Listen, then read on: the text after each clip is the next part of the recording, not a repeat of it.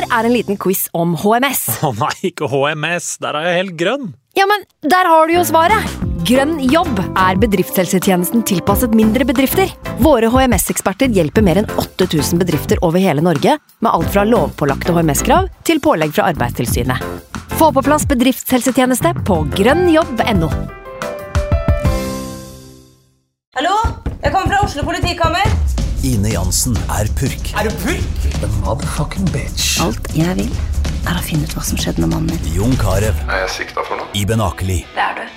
Ole So, Lars Berrum og Big Daddy Karsten. Hvem sin side er du på, egentlig? Anette Hoff, Tone Danielsen, Kommer du fra Afrika? Jørnis Josef, Nesten. Kløfta. Trond Espen Seim, Det er synd å si det, men det var feil mann som døde. Purk. Premiere tirsdag på TV2 Play. I can't believe it. Football, bloody hell.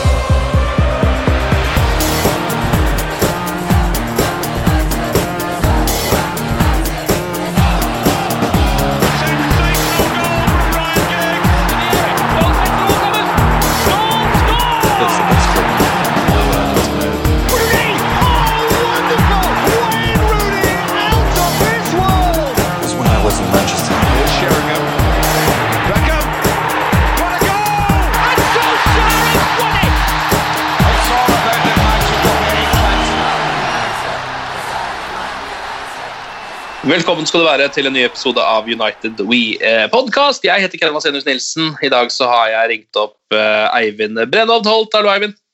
Hallo. Godt å høre fra deg igjen. Eh, Det er jo um, vært spilt to kamper uh, siden forrige podkast, som vi skal gjennom i dag. Det er eh, West Brom og det er Basak Shehir. Um, Kanskje like greit å ta det i kronologisk rekkefølge og begynne med eh, West Brom-kampen, eller? Ja. Det er jo altså, Jeg vet ikke hvor mye vi skal dvele ved denne kampen, men det er jo et par eh, hendelser underveis her som det er verdt å trekke fram. Eh, først så får jo West Brom eh, faktisk tildelt et straffespark. eh, som siden blir annullert av eh, VAR, fordi Bruno så vidt er på ballen, vel. Hva tenkte du om den? eh, trodde du det var straffe da du så det første gang? ja, jeg gjorde vel egentlig det, og så får du se det 100 ganger i reprise, og så melder på en måte usikkerheten seg. Ehm, men eh, ja, det, det var jo et slags antiklimaks etter det som har vært en veldig heftig periode nå, med Solskjær eh, versus Porcettino hver eneste dag i, i landslagspausen og sånn. Og så uh, forventa vel alle egentlig at eh, West Bromwich bare skulle knuses. Solskjær fikk på en måte pusterom med, med Everton-seieren, og så skulle man her bare leike seg til en ny trepoenger og, og flyte videre, og så blei det, ble det ikke det i det hele tatt. Kan vel kanskje settes på kontoen for litt sånn jetlag etter landslagspausen og sånn, for det så jo i hvert fall mye bedre ut mot uh, Basak Sihir, da. Så alt i alt så det er vanskelig å si så mye om, om West Bromwich-kampen. Det er jo Fernandes igjen. Altså han, han er på en måte Manchester United om dagen. Hvis vi ser på de tre siste kampene, målskårerne da, sånn i kronologisk rekkefølge. Eh, Fernandes, Fernandes, Cavani, Fernandes, Fernandes, Fernandes, Rashford og James. Ja. Så han er eh, Uten han så er jeg veldig usikker på hvor vi hadde stått. Men uh, han er nå lagets viktigste spiller, og det er en fryd å se Bruno Fernandes om dagen. Ja, dette her var jo en kamp som først og fremst bare måtte vinne. Uh, Resultatet var jo det absolutt viktigste her. Uh, Tre poeng i Premier League etter en skeiv start. Um, og det er jo ingen som blir overbevist av det de ser Manchester United gjøre på banen mot West Bromwich. De er jo heldige som i det hele tatt vinner kampen. Det er jo på en måte litt som å kaste terning etter hvert der. Eh, Når eh, Bruno så vidt er på ball, eh, straffa til West Brom blir annullert. United får en straffe ganske kort tid, så vidt jeg husker, etterpå. En hens, den er helt grei, den, men det er, bare, det er på en måte bare flaks, det også. Um, også når det i tillegg da er sånn at Bruno faktisk bommer på den straffa, uh, men så ser VAR at keeper er utenfor streken, og vi får nok en runde med at Bruno får et nytt forsøk. uh, og da skårer han jo, da. Så Ja. Og det er en sånn uh, dag hvor man tenker at på Hadde, hadde det vært en, uh, en skikkelig dårlig dag, så hadde, hadde ikke United fått med seg alle poengene. Men uh, det gjorde de heldigvis, for det, det trengte de. Ja, det måtte jo rett og slett til. Det hadde vært helt krise hvis de ikke hadde vunnet den kampen. rett og slett. Um, og som du var inne på, så ser vi jo da at uh, laget hever seg uh, til neste match mot uh, Basak Shahir i Champions League. Mm. På en måte også en must win-kamp. Nå begynner jo veldig mange United-kamper å bli det etter en sånn type start, men denne her var jo Etter tapet mot Basak Shahir sist, så slapp de jo litt opp på det liksom, forspranget de hadde i Champions League, som de hadde fått gjennom imponerende prestasjoner mot både PSG og Leipzig. Um, og måtte jo faktisk da vinne denne her for å ikke på en måte bli tatt igjen av de to andre storlagene der igjen. Mm. Champions League skulle liksom være fristedet for eh, press og negativitet for Manchester United med, med de to imponerende seierne da, mot Leipzig og PSG. Og så fikk vi den smellen i Tyrkia, og da er det som du sier, Ken, at da er det da ble den hjemmekampen mot Istanbul veldig viktig. Mm. Eh, men så skyves jo alt tvil til side, til side tidlig. Eh, men den gruppa er jo fortsatt helt, helt åpen, ettersom PSG vant sin, sin match. Eh, så den neste hjemmekampen mot eh, PSG den blir, eh, blir, blir ikke like stor som den, den ja, noen av de to forrige kampene i, i Paris, men, eh, men, viktig, det er det starter jo den kampen her på best mulig vis for Manchester United med en rakett av Bruno Fernandes rett opp i nettaket. Ja. Eh, og Det der er så godt å se. fordi jeg føler at eh, Vi har jo vært bortskjemt som Manchester United-supportere med eh, mål fra liksom, rett utenfor 16-meteren. Eh, gjerne etter en corner, returrommet, som de på en måte kaller det. Og der har vi jo på en måte vært altså, Scholes og den type spillere, Beckham, Cantona skåret mm. masse mål fra det rommet der. Men så har det liksom, begynner det å bli ganske lenge siden vi har hatt spillere som faktisk har de kvalitetene. Og nå ser du at Bruno han har det. Han trenger ett treff derfra, så er det mål. Ja, det har vært mye snakk om uh, Det er helt sikkert tilfeldig, men liksom uh, Pogba skulle liksom være en uh, mester på langskudd. Jeg husker da Fred kom, så var det også mye snakk om venstrefoten hans. Vi har hatt Mata, som liksom har vært en frisparkspesialist, men det har ikke blitt så mange mål. så Utenfor 16-meteren så har jo ikke United egentlig hatt så mange spesialister siden de du snakka, snakker om der, altså Beckham og Scholes, Ronaldo selvfølgelig. Mm. Eh, Roy Keane hadde faktisk en del mål utafor 16-meteren. Men ja, i de siste åra så er det litt verre. Jeg gleder meg fortsatt til å se Alex Telles i en farlig frisparksituasjon med venstrefoten sin. Så har vi nå Bruno Fernandes og Rashford også. Så det er folk som kan skåre utenfor 16-meteren. Og den, den skåringa der er jo bare Det er terningkast seks på det treffet der.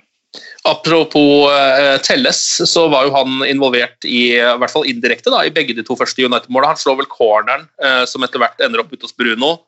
Mm. Um, og legger jo også det innlegget, selv om det er jo et dårlig innlegg, men han legger jo et innlegg til keeperen, så mister han rett i beina på Bruno, og da er det jo 2-0. og Da ja, synker jo pulsen litt hos alle United-sportere verden over. Ja, det er veldig interessant den situasjonen på venstrebekk. Det er liksom ikke den si, debatten som får mest plass i, i mediene etter en United-match, men uh, den skaden på, på Luke Shaw, det er, det er selvfølgelig trist, men det her gir jo Telles en veldig sånn naturlig åpning eh, og mulighet til å spille seg inn på laget. Og jeg mener han, han har det Luke Shaw mangler, og det er en spisskompetanse. Luke Shaw er veldig rund. Eh, eh ikke fysisk, men sånn i spillestilen. Og er en veldig sånn allsidig venstreback. Men han er på en måte god Han er god nok på alt, men ikke, ikke ekspert på noe som helst. Mens Alex Telles han har en helt sånn utprega offensiv spisskompetanse som vi nå har eh, egentlig synes jeg har fått sett hver eneste match han har spilt, kanskje bortsett fra i debuten, eh, og de innleggene hans. Eh, riktignok så De to målinvolveringene her skjer jo mest pga. motstanderen, da, og ved andre tilfeller der motstanderens keeper. Men, men ja, det blir veldig gøy å se han uh, utover uh, fram mot jul nå.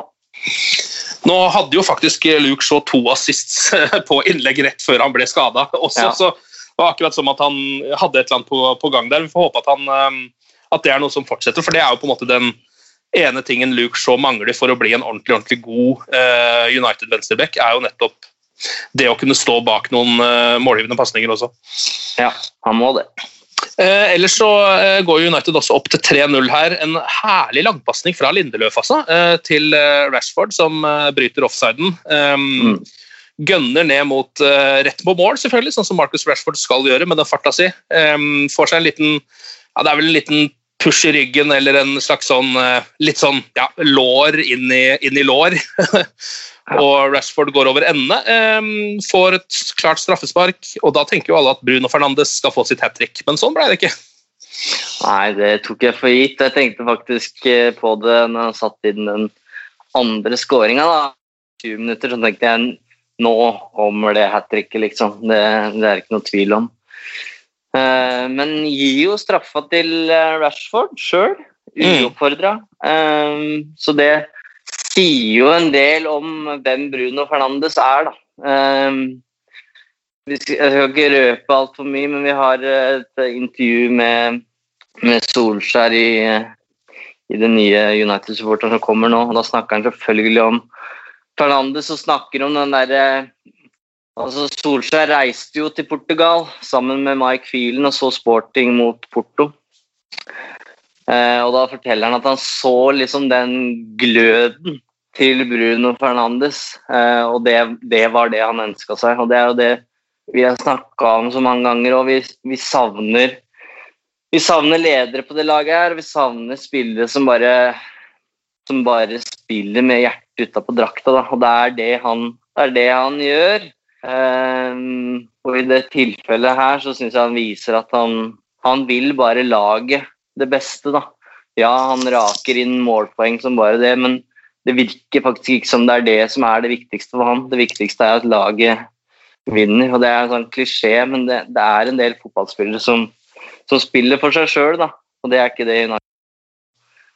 Fernandes så får de noe så sjelden som en, en meget eh, meget viktig brikke da, offensivt, og en slags kaptein.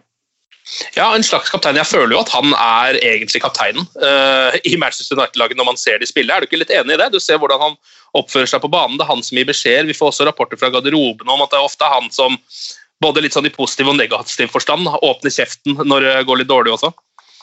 Ja, og jeg var med i den TV 2 TV2s Premier League-podkast hvor, hvor vi snakka med mm, han som er i eh, Per Atle, som er i, i eh, Manchester for TV 2, og han eh, sa det jo altså På en tom stadion så hører du jo veldig godt hvilke beskjeder som blir gitt, og hvem som gir de, og da da var det påfallende at det var Fernandes som, eh, som snakka, mens Maguire var eh, langt, langt uh, roligere, da. Eh, uten at vi skal liksom trekke noen konklusjoner ut fra det, men sånn Det vi ser, så altså virker det som at han er, uh, han er en, uh, kanskje den største lederen utpå der, da.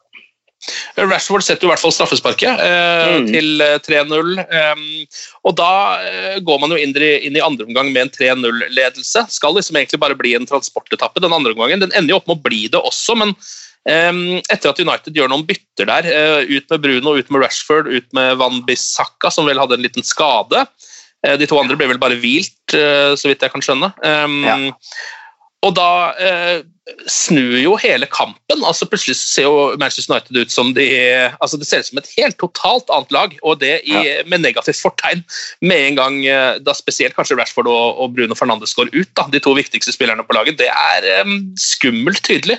Mm. Det har skjedd eh, før, det der. Eh, samtidig så tenker jeg ofte sånn at når det blir mange mål i første omgang, så, så kan det nesten lønne seg å sette penger på at det ikke blir noen skåringer i andre, fordi det, det blir på en måte Som du sier, det er en transportetappe, da. Hvor ingen av lagene egentlig har noe interesse av å gi, eh, gi full gass. Eh, nå var vel eh, Alsaker ganske kritisk i kommenteringa til hvordan United så ut, og det, det er jo forståelig, og det handler jo litt om helhetsbildet her, fordi dette er jo de De faller på en måte tilbake til gamle synder. Eh, så på én side så er den første omgangen eh, liksom Det er det vi ønsker oss hver eneste uke, da. Men eh, til tross for at det da blir en sterk 4-1-seier, så sitter du liksom med ok, hvorfor, hvorfor falt det såpass i, i andre omgangen? Men eh, ja, det er en, uansett en overbevisende seier, syns jeg, da. Og så får vi ta med oss at det er eh, Han tar jo ut av Fernandes og Rashford, som er eh, meget viktig offensivt. Så ja, det gikk nå i hvert fall bra. Ja, det gjorde det, og jeg tror Solskjær gjorde det lurt i å ta ut Martial i det rundt ja, 81. minutt og sette inn Matic, fordi da mm. eh, hadde jo først eh, Basakshir skåret på et frispark um, som jeg vet ikke jeg, jeg, tenkte ikke på at det, var en, at det var elendig keeperspill, men jeg hørte flere som kritiserte det her der. Jeg vet ikke, Hva tenker du? Jeg syns den var vrien, altså. Ja. Eh, ja, når du liksom ikke ser den fra Digeas perspektiv, men det, ja, den ser jo rar ut. Det er det er ikke noe tvil om. Når det gjelder DG, så virker det som det var jo Apropos debatter rundt eh, spilleposisjoner, så var jo det noe av det det var knytta med spenning til før sesongen. Uh, Digea mot Henderson. Og Der virker det som at Digea har festa ganske godt grep om, eh, om den plassen. Da. Og det synes jeg ja, det er jo det er ikke overraskende at han har gjort det, men jeg hadde faktisk trodd Henderson skulle få enda flere muligheter. og Før den kampen mot Basak Sehir så var det jo Lokalavisa meldte jo at han skulle stå, men det mm. viste seg jo da å ikke stemme. Men det er jo også all heder til David Heia for det, vil jeg si. fordi han um, har jo faktisk den, han har jo fått den effekten som vi håpte på da han fikk en uh, mm. såpass sterk konkurrent, at han faktisk har spilt seg opp og hatt en mye uh, mer solid mer solide prestasjoner denne sesongen her enn han har hatt ja, forrige sesong, f.eks. Jeg syns det er veldig interessant rundt De fordi han, han, er på en måte han er en veldig stille fyr. Um, blitt fortalt at uh, når det var sånn uh, promotur, eller uh, oppkjøringsturné da, i Asia, så skulle, skulle De Gea snakke på et sånt markedsevent. og svarte på en måte bare i ens, med enstavelsesord. Nå er han jo ikke veldig komfortabel med engelsk ennå, faktisk, men han er en veldig sånn stille og sjenert fyr, da, men de Jeg syns det virker som han, han, er en fyr som må presses og pushes litt, da. Det var jo på en måte sann han blei født i Manchester United. Altså det var, det var en tøff start, og så og så blei det den 50-50-duellen mot, uh, mot Lindegård, hvor han på en måte går vinnende ut til slutt. da. Uh, og vokste sannsynligvis voldsomt på det. Og så var det en del år hvor han selvfølgelig var helt fantastisk, men de siste åra så virker det som han nesten han har, ikke fått, han har ikke hatt det presset som han trengte. Da. Han visste at han, han er nummer én. Punktum. Og det fortjente han jo. Med, altså, med tanke på alle de poengene han har redda for United, så selvfølgelig. Men det var ingen Sergio Romero var ingen eh, trussel, og heller ikke Victor Valdez. Nå er Dean Henderson der, og det virker som han har skjønt da, at han må uppe gamet, selv om han har tydeligvis tapt, tapt den duellen eh, for, eh, for Spania, da, der han nå ikke har stått de tre forrige kampene, tror jeg. Mm. Det også syns jeg faktisk er litt merkelig, men sånn eh, er det nå en gang. Um, og så skal vi da til fram til det 92. minutt. På overtid så er det en nydelig ball fra Donny van de Beek, som jeg vil si spilte en veldig god kamp. Mm. Um, han finner Greenwood, som finner Daniel James som faktisk scorer igjen. det begynner å bli en stund siden. Ja. Det er fint med en opptur for, eh, for Daniel James. Eh, har også vært god for Wales, så mm, det er jo en fotballspiller der. Men jeg personen er fortsatt veldig usikker på om han, eh, om han har framtid i, i, Manchester United. Også. Men uh, du var innom van de Beek, og det, han har det jo vært mye snakk om denne sesongen her. Uh, og jeg lurer litt på om han kan være nøkkelen i sånne kamper hvor United er, er eh, forventa å dominere, da. hvor motstanderen ofte legger seg, legger seg dypt. Eh, da er de på en måte avhengig av, av en spiller som kan dra opp tempo. og Solskjær snakker veldig mye, hvis du hører på intervjuene hans, hør hvor ofte han sier 'quick' og 'pace'. Mm. Tempo er på en måte kanskje det viktigste da, i, i det um, spillesystemet til Solskjær, og det er det han har fått kritikk for. At United bare kan kontre. Eh, og når de ikke får muligheten til det, så, så sliter de med å bryte ned med lag som spiller, eh, som spiller dypt. da. Men eh, jeg syns her så viser altså Spesielt med Fernandes, de kombinasjonene de gjør, eh, også sammen med Fred, det gjør at de fikk fart på ballen. da. Eh, og fikk flytta, flytta lagdelene kjapt og kom på en måte i farlige situasjoner og sydde seg gjennom, eh, gjennom forsvaret til eh, Basak Sehir. Så det, det er så fristende å si at van de Beek sitter med nøkkelen, selv om det er en kjempeenkel analyse. da. Men jeg vil veldig gjerne se han oftere eh, på den midtbanen. Selv om det er 1000 konkurrenter der, da. Ja, men nå var det jo litt deilig, for, jeg, for hittil har du jo slitt litt med å vite hvor van de Beek skal spille. altså Han har liksom ikke hatt en sånn naturlig posisjon i systemet til Solskjær, så det virker nesten som at de kampene han har spilt, så har det vært litt andre formasjoner, eller at de liksom har prøvd å tilpasse etter han. da. Mens han har følte... vært tier. Ja, en slags tier, på en mm. måte. Um, mens det som jeg føler skjedde nå, var jo at de la han bare inn i systemet. Det er han og Fred som de to dype på midtbanen, og det er der du skal spille, og det funka jo.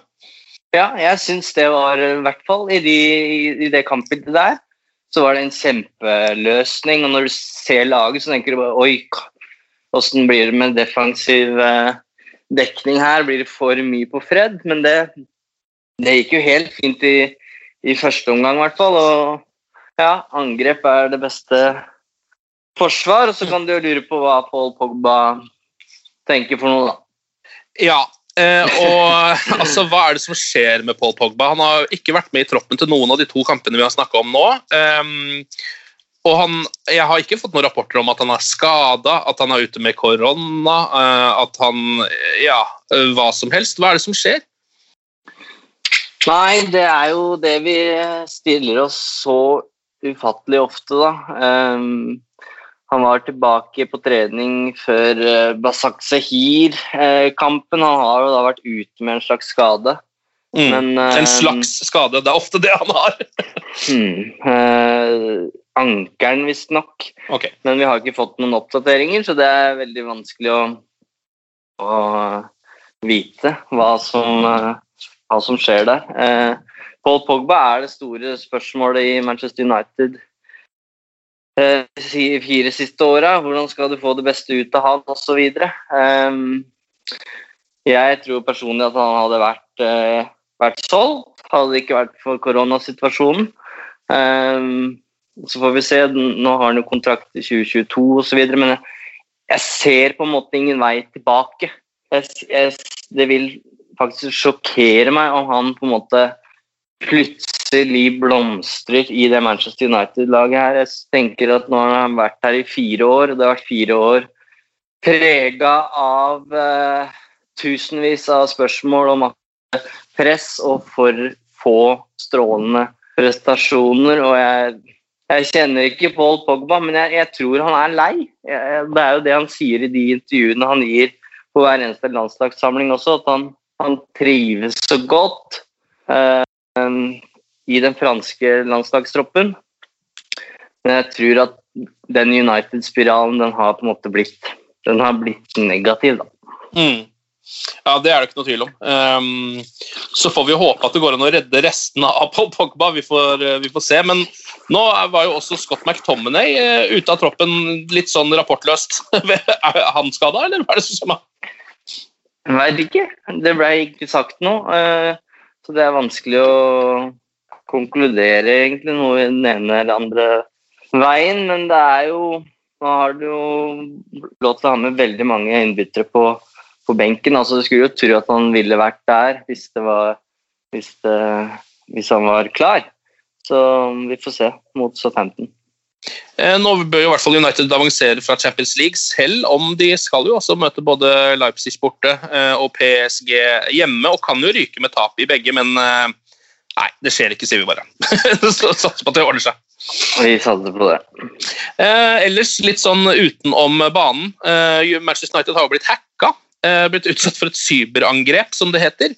Eh, dette hørte vi jo om for ja, en liten stund tilbake. Nå viser det seg at de mener at det kanskje er litt verre enn først antatt. Um, Og nå har det jo da også eh, blitt eh, krevet løsepenger fra Manchester United fra disse hackerne, da, som igjen, eh, eller United har da igjen kontakta den nasjonale sikkerhetsorganisasjonen eh, i eh, Storbritannia for å prøve å finne ut av dette. Og det er vel det vi vet om den saken der, Eivind?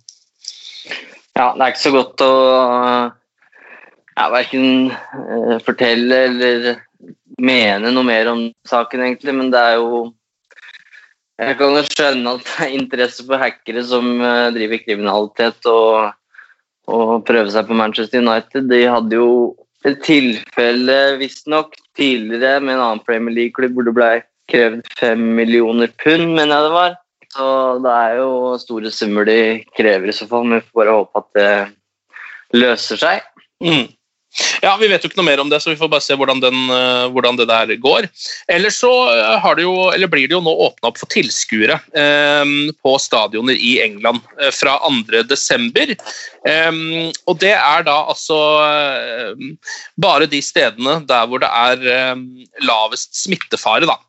Manchester ligger på nivå tre. Det er det høyeste nivået i England. så med andre ord så Altså, Det blir ikke noe tilskuere på Old Trafford med det aller første, er vel det vi kan lese ut av det greiene der. Um, det jeg syns er litt spesielt med den saken, her, Eivind, er at altså, de tar jo da hensyn til smittenivået i området, og bare det, når de tenker på uh, tilskuere. Mm. Um, Ut ifra et pandemiperspektiv så er jo det på en måte forståelig. Det er jo sånn vi løser det i resten av samfunnet, i resten av verden. Man kan dra dit hvor det er lav smitte osv. Men dette her blir jo veldig skeivt.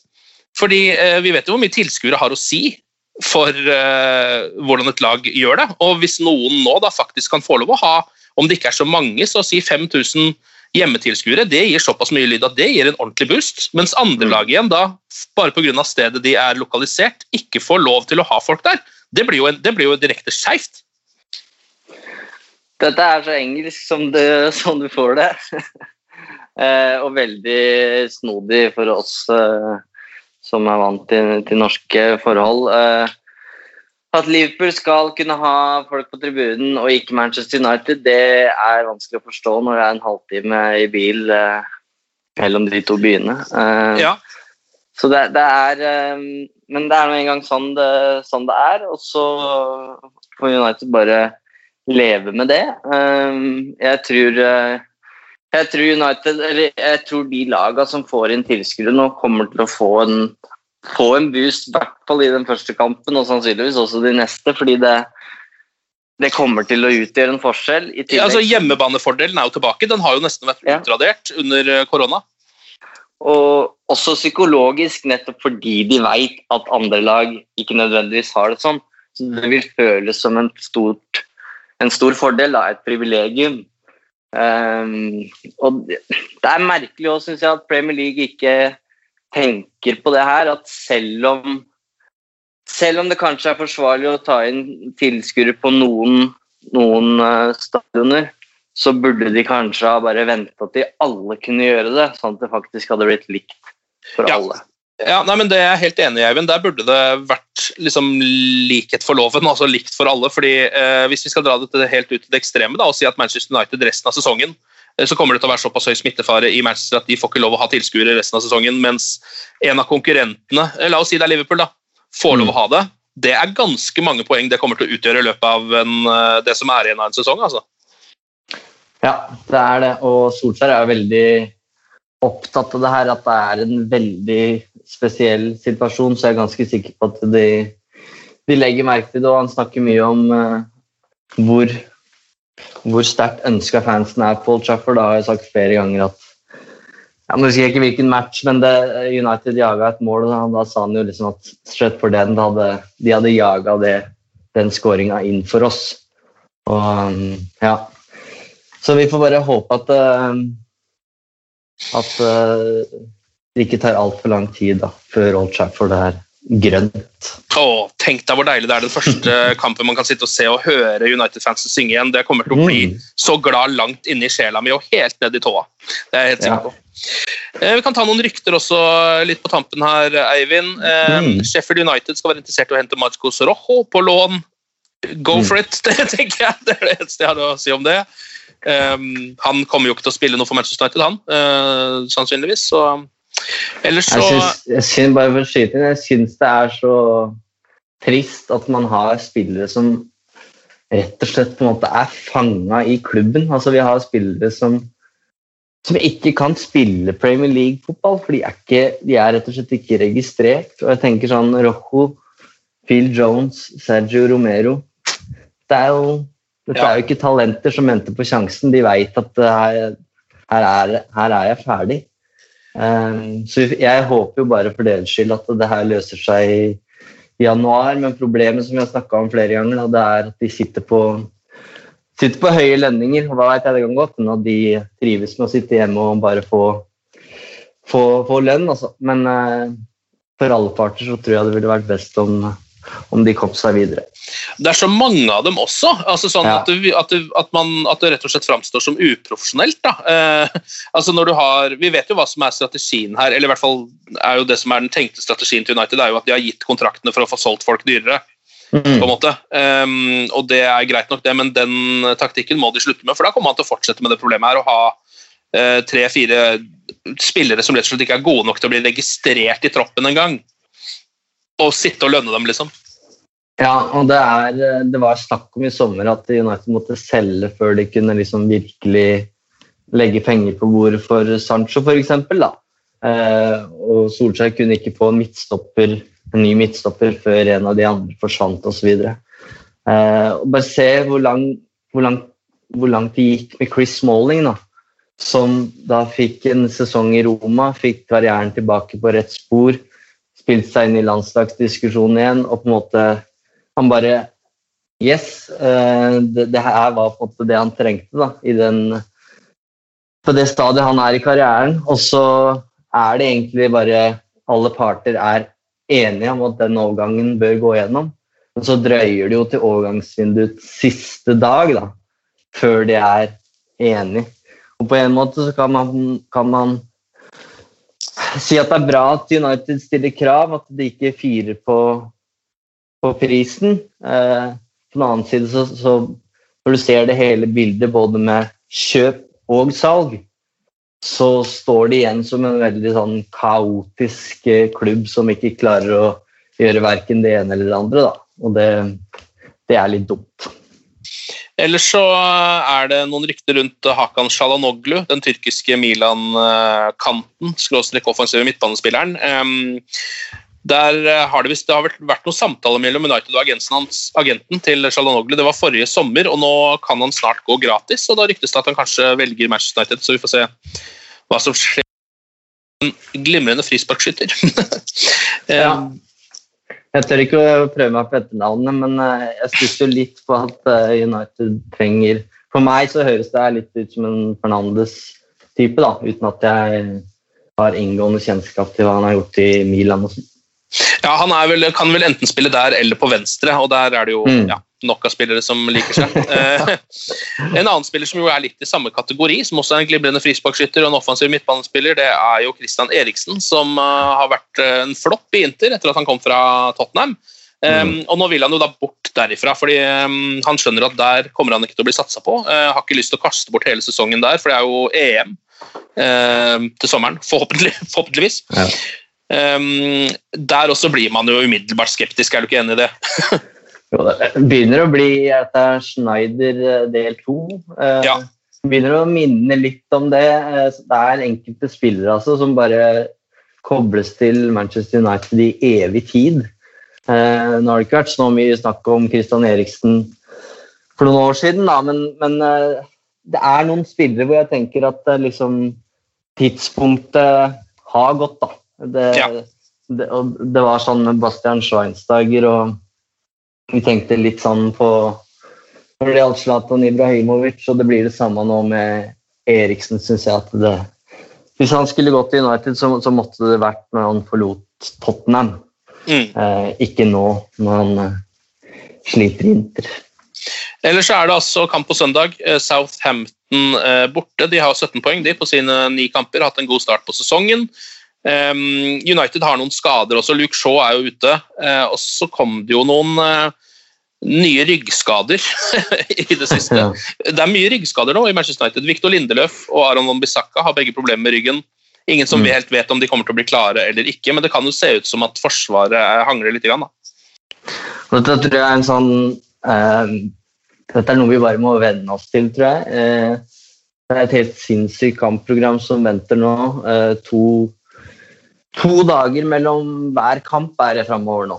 Eh, og da sier det seg sjøl at hvis du liksom halter litt av, av banen eh, etter match, eh, så skal du i aksjon igjen om to dager, så da er du usikker. Men det hadde vært noe annet hvis det var ei uke imellom. Det her sa jo Solskjær relativt klart fra om på Goodison Park, så han er nok ikke veldig fornøyd med det. Men jeg er fortsatt litt overraska over at eh, en spiller som Lindeløf da ble risikert for Sverige, f.eks.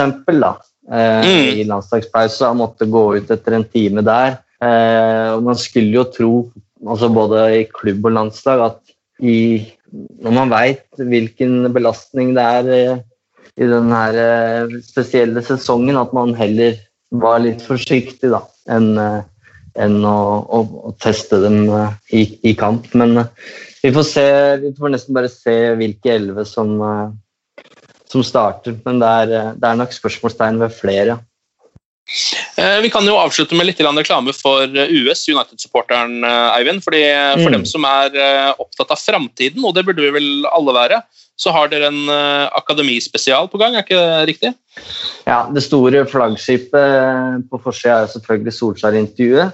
Eh, men vi har merka på United.no at det vi skriver om akademiet, det blir veldig ofte godt lest. Og det handler nok om, som de fleste har fått med seg, at det er, det er en ny generasjon som er på vei opp. Eh, det er veldig mange spennende eh, talenter der. Så i det nye US så har vi en, eh, en stor reportasje om hva som har blitt gjort. Nikki Butt skal ha mye av æren, men klubben har på en måte skjønt at de blei forbigått av Manchester City og har tatt grep. Eh, prioritert akademi igjen, eh, og det hjelper selvfølgelig med en manager som, eh, som følger med og, og vil utvikle klubbens egne talenter. Um, og så har de på en måte en helt annen strategi, rekrutteringsstrategi enn enn tidligere. Og de går jo nå etter de største og beste talentene utenlands. Så det har jo kommet en rekke spillere fra Spania, Nederland, Frankrike. Isak eh, Åren Hansen fra Tromsø osv. Så, Mm. så så det er del én. Det er på en måte den eh, akademiforklaringa på hva som har skjedd med akademiet i nye US. Og så har vi også en artikkelserie på United.no hvor vi tar for oss eh, de største talentene nå. Har vel hatt en ja, fire-fem stykker. Eh, denne uka her så var det en, en spansk venstreback som vraka Real Madrid. og visstnok skal være meget, meget god. Så det er grunn til å følge med på det som skjer på U18 og, og U23-laget. Og alt du ellers måtte lure på om eh, Manchester United, det finner du sannsynligvis på united.no. Eivind, tusen takk for praten. Likeså. God kamp på søndag. Ja, god kamp, og glory, glory.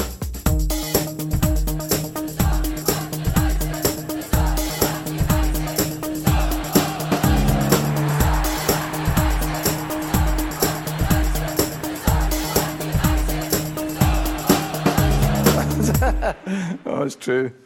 I've seen many things. Moderne media. Ukens annonsør det er matkasseleverandøren Hello Fresh. Der kan du velge mellom 25 ulike oppskrifter hver uke, eller få Hello Fresh til å sette sammen en meny for deg.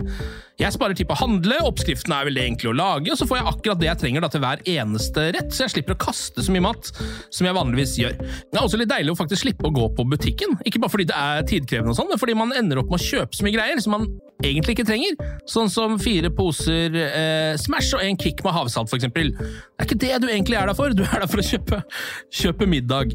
Så det er en veldig eh, kjekk ting. I tillegg så er det jo eh, ferdigporsjonerte ingredienser, det blir mindre matsvinn, og du betaler bare for det du faktisk trenger, og det du faktisk da spiser. I tillegg så blir det da levert på døra.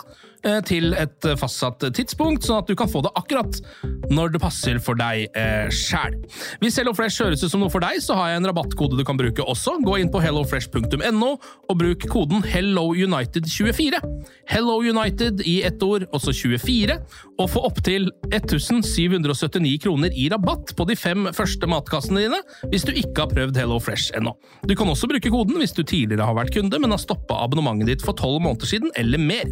Det er ingen bindingstid, og du kan pause eller avslutte abonnementet ditt akkurat når du selv måtte ønske. Husk koden HelloUnited24, og bon appétit! Ukens annonsør er Folio, en smartere banktjeneste for deg som har en egen bedrift eller ønsker å starte for deg selv. Folio er en superenkel nettbank for bedrifter. Som kunde i Folio får du en bedriftskonto med et bedriftskort og app. I denne appen er det smarte løsninger som forenkler regnskapet ditt, uansett om du har en liten bedrift eller et enkeltpersonsforetak. Folio er både intuitivt og brukervennlig, og er laget med et enkelt språk. I tillegg tilbyr de forutsigbare priser og ingen skjulte gebyrer. Skulle du likevel trenge det, så kan du snakke med deres raske og hyggelige kundeservice, og der får du prate med en faktisk person og ikke en chatbot. Folio er med andre ord både enklere og koseligere enn banken. Over 10 000 bedrifter har allerede valgt Folio som sin banktjeneste, så besøk folio.no og se hvordan Folio kan forenkle din hverdag også. Har du et enkeltpersonforetak eller en liten bedrift? Da er du sikkert lei av å høre meg snakke om hvor enkelt det er med kvitteringer og bilag i fiken, så vi gir oss her, vi. Fordi vi liker enkelt. Fiken superenkelt regnskap.